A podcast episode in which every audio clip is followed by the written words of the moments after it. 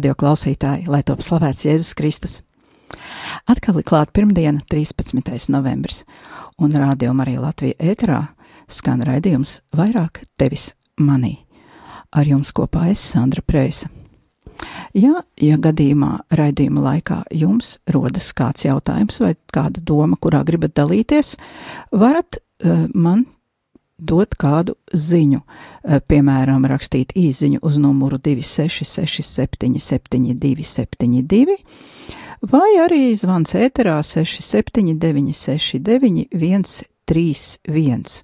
Ja jautājumi radīsies, droši zvaniet vai rakstiet, ar prieku atbildēšu. Bet, kā jau pagājušajā reizē solīju, eh, šodien runāsim, nu, būs neliels ieskats kritiskajā domāšanā uzzināsim, kas tas ir un ko ar to darīt un kāpēc. Bet tagad lūksimies Dieva tēva un dēla un svētā gara vārdā Āmen. Tavā patvērumā steidzamies, svētā Dieva dzemdētāja. Nenicini mūsu lūgšanas, mūsu vajadzībās, bet izglāb mūs vienmēr no visām briesmām. Tu godināmā un svētā jaunava, mūsu valdniece, mūsu vidutāja, mūsu aizbildinātāja izlīdzini mūs ar savu dēlu, novēli mūs savam dēlam, stādi mūs savam dēlam priekšā. Lūdz par mums svētā dieva dzemdētāja, lai mēs Kristus solījumu cienīgi topam. Ak, bezvainīgā sirds! Palīdz mums uzvarēt ļaunumu, kas tik viegli iesakņojas mūsdienu cilvēka sirdī. Pasargā mūs no tā, ka Latvijas tauta attālinās no dieva No jebkāda grēka, no nešķīstības, negodīguma un sautības pasargā mūs.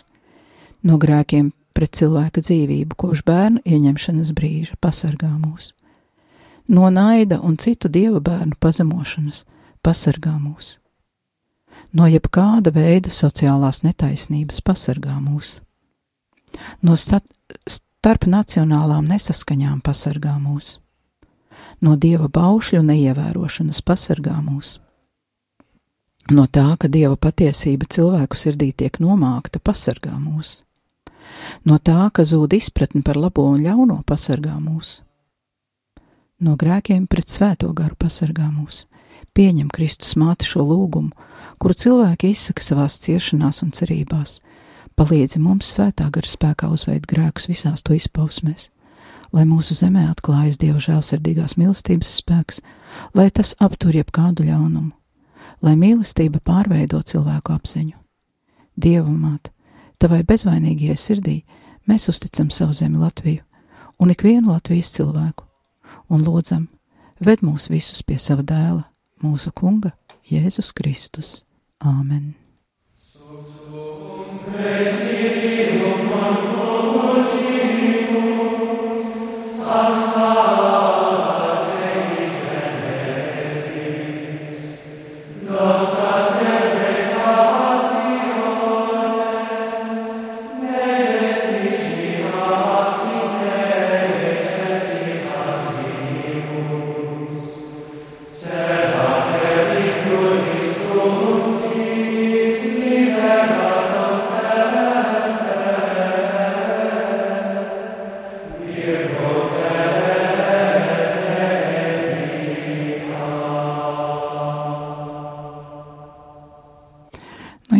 mums izveidojusies maza tradīcija novēlēt raidījumu dievmāmiņai, un varbūt arī kādu laiku tā turpināsim.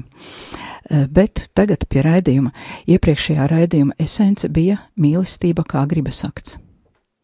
Griba, lai gan ir brīva, tomēr ir atkarīga no daudzām citām spējām, kuras šo gribu vada. Arī no gudrības. Raidījuma reklāmā Facebook man nekāda neizdodas nomainīt Akvīnas Toma citātu pret kādu citu, jo, lai kāda arī nebūtu kārtējā raidījuma tēma, viss atduras gudrības un muļķības konfrontācijā. Es saprotu, ka ir jāturpina runāt un domāt šajā kontekstā, jo arī pāvests Francisks savās uzrunās pēdējā laikā ļoti bieži atgriežas pie šīs pašas tēmas. 23. oktobra raidījumā es citēju pāvesta 17. oktobra sprediķi, kurā viņš runāja par to, ka mums jāsargā sevi, lai nekļūtu par muļķiem, ir jāvēro sava uzvedība un arī ganu uzvedība, jo, diemžēl, arī gani var mūs piekrāpt. Savukārt 10. novembrī pāvests atkal pievērsās līdzīgai tēmai, un tagad es mazliet citēšu Vatikāna rādio. Kristietim jābūt gudram un viltīgam, lai neiekristu samaitātības un korumpētības lamatās, norādīja 10. novembra rīta svētajā misē pāvests homīlijas laikā, un viņš sniedza dažus ieteikumus, kā varam sevi pasargāt. Ticīgais nedrīkst būt naivs, pāvests uzsvēra. Viņš atzina, ka tie, kuri bīda savas netīrās lietas, dabū savās rokās arī varu. Korumpētie ir vareni. Tie nodarbojas ar korupciju un pat rīkojas kā mafija. Šī problēma nav izdomāta, un par to nav jāmeklē apraksts senās vēstures grāmatās. Tā ir mūsdienu ikdienas dzīves realitāte. Korupcijas slazdos ieslīgs sevišķi tie, kuri ir atbildīgi par tautas labumu pārvaldīšanu pastāstījis līdzību par nekrīt, nekrietno pārvaldnieku, Jēzus izdara kādu svarīgu secinājumu. Un kungs uzslavēja nekrietno pārvaldnieku, ka viņš bija gudri darījis, jo šīs pasaules bērni attiecībā uz sev līdzīgiem ir atjautīgāki par gaismas bērniem. Tātad korumpētie dara savus darbus ar lielu gudrību, strādā baltiem cimdiem un prot būt ļoti pieklājīgi. Vai mēs varam runāt par kristiešu viltīgumu? Vai tāds pastāv, jautāja pāvests? Vai kristietis drīkst būt viltīgs?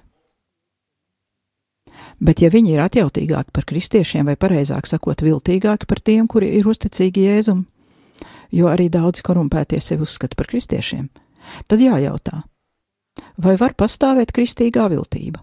Turpināja svētais tēvs. Vai ir kāds veids, kā rīkoties tiem, kuri grib sekot Jēzum, lai nebeigtos slikti, vai, kā saka, lai, viņi, lai viņus dzīvus neapēstu. Kāda varētu būt šī viltība, kas nebūtu grēks, bet kas man palīdzētu labāk kalpot kungam un palīdzēt arī citiem? Vai ir tāda kristīgā viltība? Jā, ir, uzsvēra pāvests Francisks. Kristietim ir jābūt viltīgam.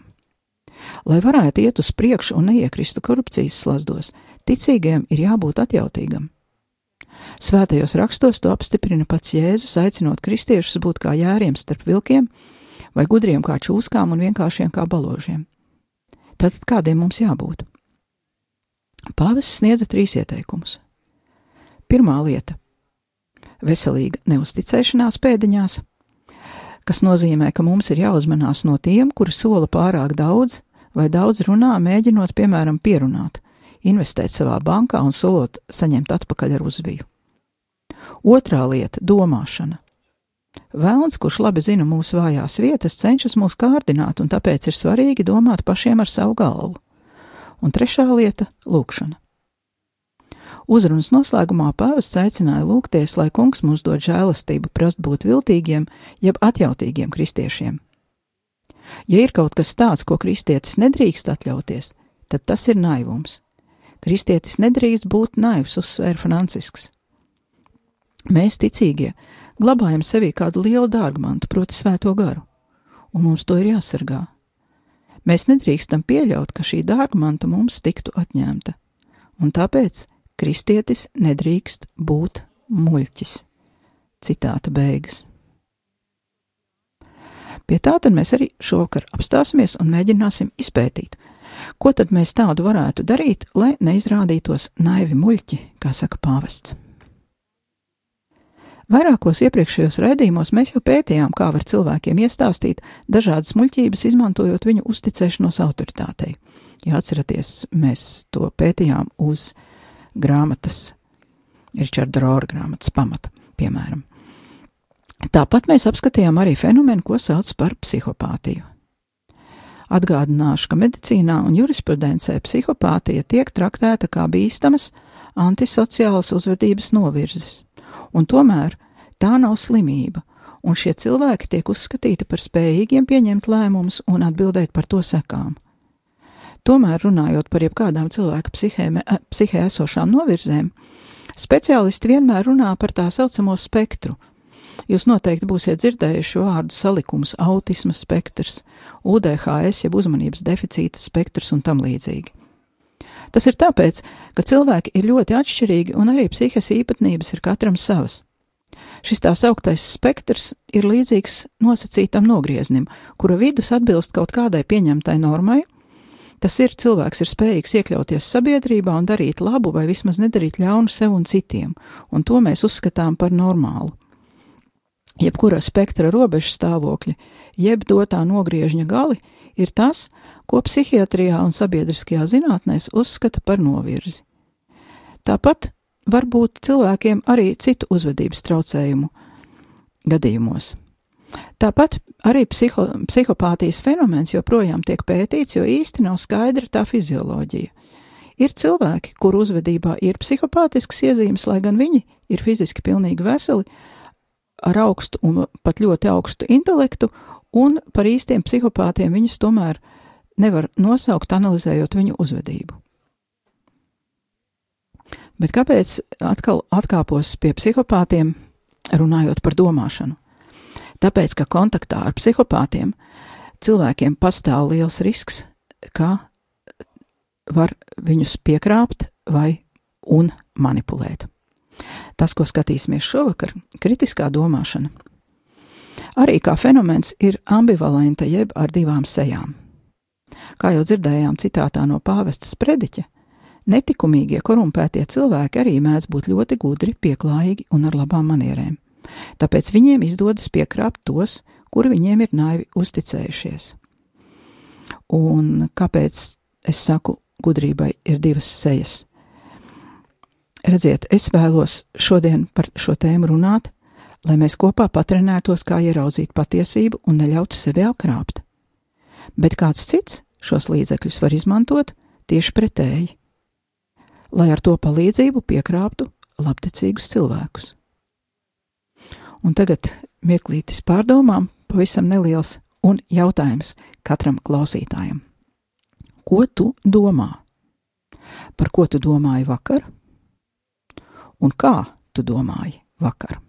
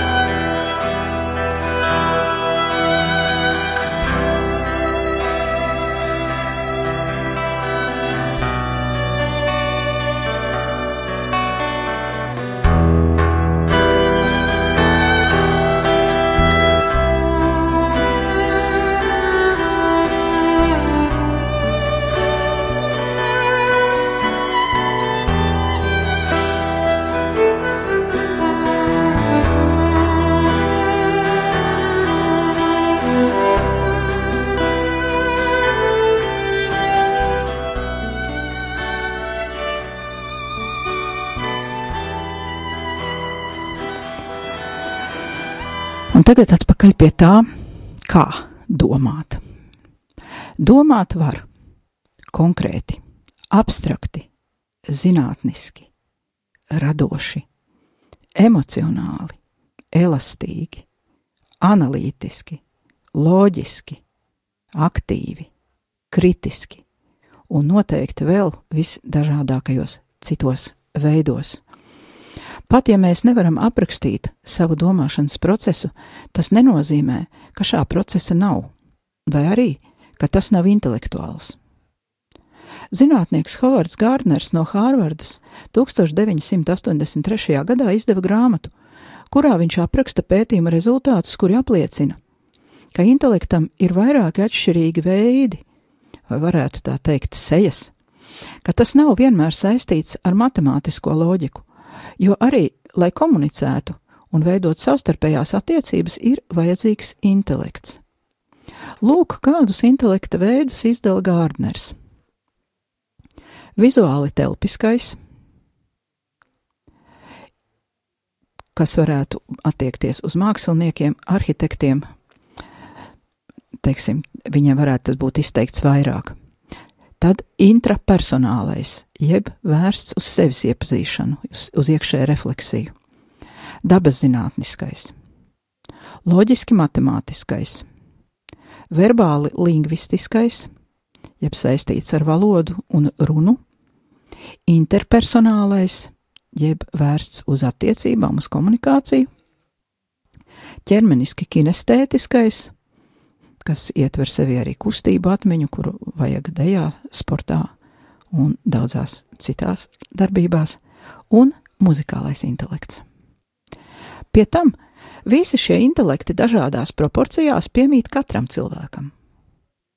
Tie visi arī piedalās domāšanā, un tas ir iemesls, kāpēc dažreiz ir grūti vārdos aprakstīt domāšanas procesu. Piemēram, mākslinieks, kurš vēro ainavu vai kādu citu objektu un to zīmē vai glezno. Viņš skatās uz to, bet roka velk līnijas, jauc krāsas un liek uz audekla, un veidojas attēls. Kā tas notiek? Iespējams, ka kāds no mums ir redzējis, kā gleznotājs glezno, vai varbūt paši esat kāds mākslinieks. Cik lielā mērā mēs varam šo procesu aprakstīt kā loģisku?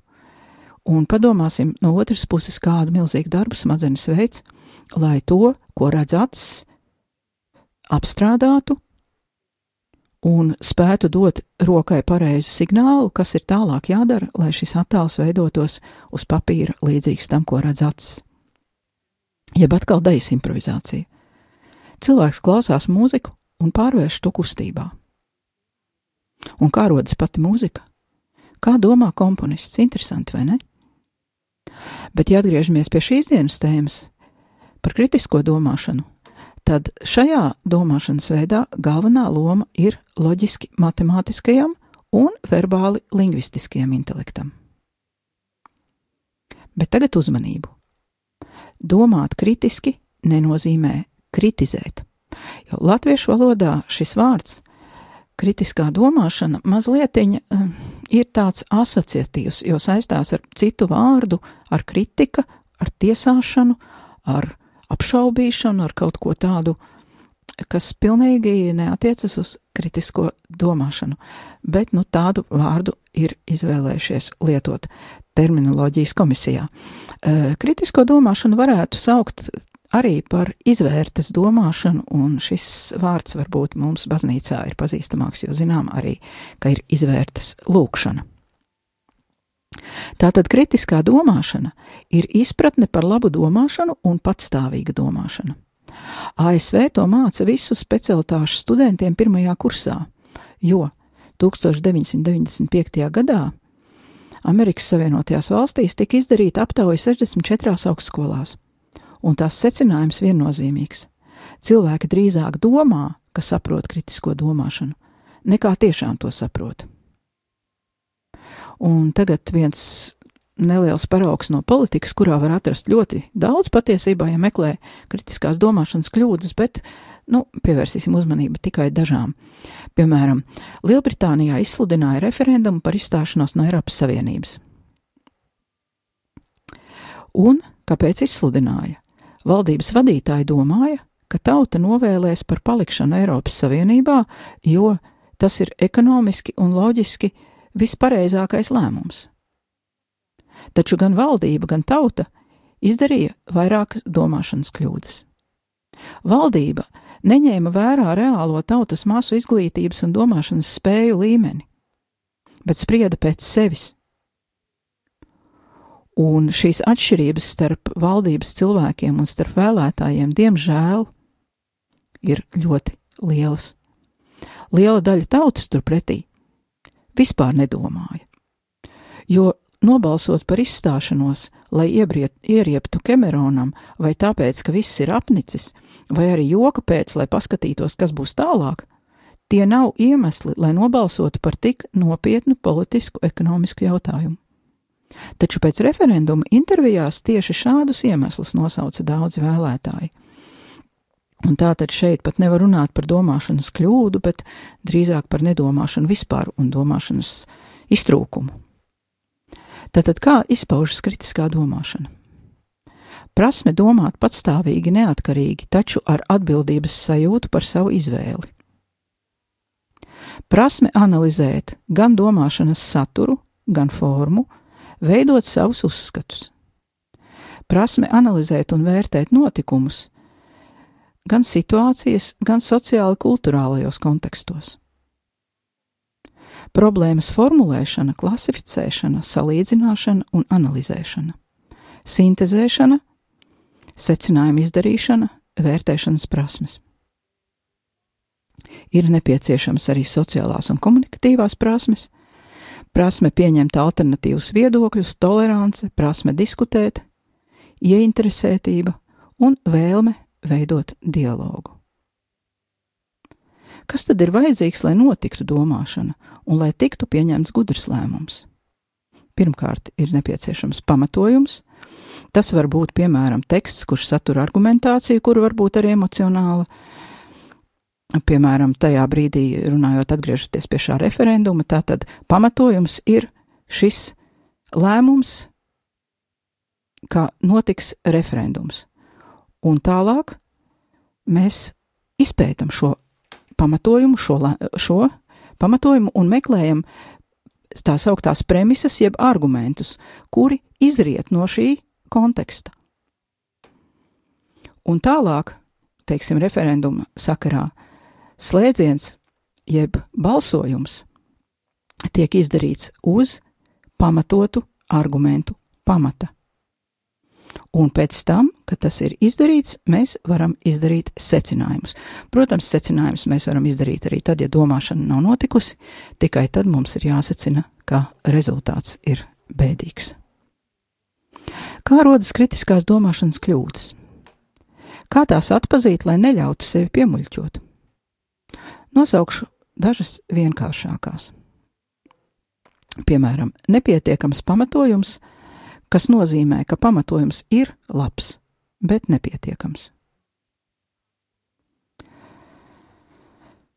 Nu, teikšu tādu galīgi sadzīvisku piemēru. Piemēram, uz draugu sāk nākt nepazīstama sieviete, māmiņa ar vairākiem bērniem. Un kā parasti, kāds jau ir uzzinājis, ka viņa bērnu audzina viena, un seko secinājums. Laikam jau katrs viņai no cita vīra. Tātad pamatojums, ka māmiņa ir viena un viņai vairāki bērni, liek izdarīt šim cilvēkam secinājumu, ka visdrīzāk bērni ir katrs no cita vīra. Jā, dažreiz tā var būt, bet var arī nebūt. Un šeit, protams, es nerunāju par ētiskajiem apsveikti, ap, aspektiem, bet tikai par veidu, kā tiek izdarīti slēdzieni. Tātad, lai izdarītu šādu secinājumu, ir nepieciešams daudz vairāk zināt par šo personu. Mēs nevaram izdarīt secinājumu tikai tā, no tā, ka, nu, sieviete viena audzina vairākus bērnus. Tur var ārkārtīgi daudz būt vēl daudz citu kaut kādu lietu, kuras ir nepieciešams, lai vispār kaut ko par šo cilvēku varētu pateikt. Tālāk ir kļūda nebūtisks pamatojums. Tas nozīmē, ka šis pamatojums neatiecas uz lietu, kuru mēs vēlamies izsecināt. Un šeit, kā piemērs, labi der teiciens, labs cilvēks nav profesija. Piemēram, ja es svarīgā jautājumā konsultējos ar savu draugu Juri, tāpēc, ka viņš ir labs cilvēks, Nu, tas ir brīnišķīgi, bet ja Juris nav speciālists jomā, kurā man vajag palīdzību, un tur ir nepieciešams speciālista zināšanas, es izdaru domāšanas kļūdu, jo viņa padoms var būt kļūdains specifisku zināšanu trūkuma dēļ. Vai arī atkal tāds drusku smieklīgs, anekdotisks piemērs. Mēs visi zinām anekdotus par blondīnēm. Un secinājums, ja sieviete ir blonda, tad viņa ir muļķa. Bet vai tā ir? Vai tad matu krāsa nosaka to, vai cilvēks ir gudrs vai dumjš? Un kāpēc tieši blondīna? Varbūt, ka tumšmataini vīrieši ir muļķi. Nu, taču nē, vai ne? Vai arī, kā mēs noteikti no bērnības skolā atceramies, ka bērniem liekas, ka tas, kurš nesā brilles, ir gudrs. Tātad mēs spriežam par gudrību un muļķību pēc pazīmēm, kur, no pēc kurām nevar noteikt to, vai cilvēks ir gudrs vai muļķis. Jo to noteikti nenosaka ne pēc acu krāsas, ne pēc matu krāsas, ne pēc tā, vai viņš nesā brilles, vai viņam ir tur, teiksim, izkrituši mati pavisam. Tad vēl viena kļūda ir pārsteidzīgs vispārinājums, kad no viena vai diviem gadījumiem tiek izdarīts globāls secinājums. Atkal teikšu tādus ļoti vienkāršus piemērus. Kas ir audzinājis mazus bērnus, tie kaut ko līdzīgu noteikti būs pamanījuši. Bērns ierauga kaķi, vienu kaķi un saka: Re, strīpains kaķis! Un tūlīt seko secinājums: visi kaķi ir strīpaini. Vai arī bērnam ir iemācīts ģimenē vai bērngārzā, ka zāle ir zaļa, debesis zilas, sniegs balts un tā tālāk. Tumšā vakarā, ejot pa ielu, pajautājiet bērnam, kādā krāsā ir debesis, un viņš ātri atbildēs: tumši zilas vai melnas. Bet, ja mēs pacelsim galvu, varbūt esat ievērojuši, ka nakts debesis var būt visdažādākajās krāsās, tajā, piemēram, brūnas. Un tā tad mēs nevaram no tā, ka ir kaut kādi gadījumi bijuši, kad ir tā, obligāti izdarīt secinājumus, ka vienmēr ir tā. Tātad tas ir pārsteidzīgs vispārinājums. Vēl ir tā saucamā vēlmju domāšana. Un ko tas nozīmē? Cilvēkiem patīk atlasīt faktus, kuri apstiprina viņa domas. Uz cilvēkiem labāku iespaidu atstāja pozitīva runa un nevis kritiska, pat tad, ja kritika ir patiesa. Piemēram, mēs visi jau droši vien esam dzirdējuši šos stāstus par izvarošanām Holivudā, bet pirmā reakcija cilvēkiem, ka slavenais režisors ir apmelots, jo apvainojums izvarošanā, pat ja ir patiesas, nezinu, kāpēc rada vēlēšanos šo cilvēku aizstāvēt un nevis aizstāvēt upurus. Un šī vēlmju domāšana ietver sevī arī kļūdainu analoģiju. Piemēram, tiek salīdzināts cilvēks un lieta, vai nesalīdzināmas lietas, vai kaut kādas darbības. Piemēram, arī šī gadījumā par izvarošanām eh, cilvēks tā kā zināmā mērā tiek attaisnots viņa slavas un sasniegumu dēļ eh, kinomākslā. Jo, piemēram, ja būtu runa par kaut kādu noziedznieku, kas ir degradēts un teikt, jā, ka viņš tur ir izdarījis, nezinu, izvarošanas pārdesmit vai kādus eh, maniakālus noziegumus, eh, cilvēki tā nemestos viņu aizstāvēt. Un, un noteikti arī upurs pažēlot, bet šī gadījumā mm, tiek salīdzināts nesalīdzināmas lietas, jo cilvēka slava vai sasniegumi vai ieņemamais amats nekādā veidā nepadara viņu uh, tiesīgāku darīt kaut kādus likuma pārkāpumus nekā kādu citu, kas ir citā statusā. Un vēl arī ar, ne, ar tādu smieklīgu piemēru pastāstīšu, kā piemēram netiek ņemts vērā fakts, ka divi notikumi, kur seko viens otram, var nebūt savā starpā saistīti. Respektīvi, pirmais notikums nav otrā cēlonis. Piemēram, ja veikalā iepērkas kāds nepatīkams klients, taisa skandālu, nepieklājīgi izturas pret personālu, tagad viņš ir kaut ko nopircis, un nākamajā dienā viņš atgriežas, jo izrādās, ka tieši viņa nopirktajai precei ir ražošanas brāķis. Nu, tas, ka tas bija tas bezskaunīgais klients, kas dabūja to brāķi, nu, tā tiešām ir sagadīšanās, un viņa bezskaunība noteikti nebija iemesls, vai ne? Nu, lūk, tādi ir daži no piemēriem. Nākamajā raidījumā mēs turpināsim apskatīt šos piemērus un vēl citas domāšanas kļūdas, bet mazliet tikai pamatojums, kāpēc es vispār šim tematam esmu pieķērusies. Un atkal atsaukšos uz iepriekšējo. Mēs runājām, ka mums baznīcā ir iespēja lasīt daudz un dažādu grāmatu. Mums nav aizliegts tās grāmatas lasīt, bet kā apustulis Pāvils kādreiz vēstulēs ir teicis, viss mums ir atļauts, bet ne viss mums der, un kas mums der, to mēs varam izspriest tikai lietojot šo kritisko domāšanu. Tieši tāpat arī jāatceramies raidījums par psihopātiem un par citām uzvedības novirzēm, par kurām es vēl mazliet runāšu nākamajos raidījumos, kad beigsim par domāšanu, ir atkal tas pats, ja mēs nezinām, mūs, mēs varam uh, uzķerties, kā saka, uz tādu psihopātu un ļauties sevi manipulēt. un viņš var mūs nu, nopietni ievainot, pat satraumēt psiholoģiski. Ja mēs zinām pazīmes, ja mēs esam domājuši un, protams, analizēt, mēs neuzķersimies. Un lūk, tas ir iemesls, kādēļ es dodu šīs te tradicionālās kļūdas zināšanai, lai mēs neuzķertos. Jo, kā pāvests Francisks saka, kristietis nedrīkst būt muļķis un nedrīkst būt naivs. Un ar to tad arī šovakar beigsim, un nākamajā reizē turpināsim par kritisko domāšanu. Izskan raidījums vairāk tevis manī, un es, Sandra Preisa, no jums atvados. Paldies, ka klausījāties!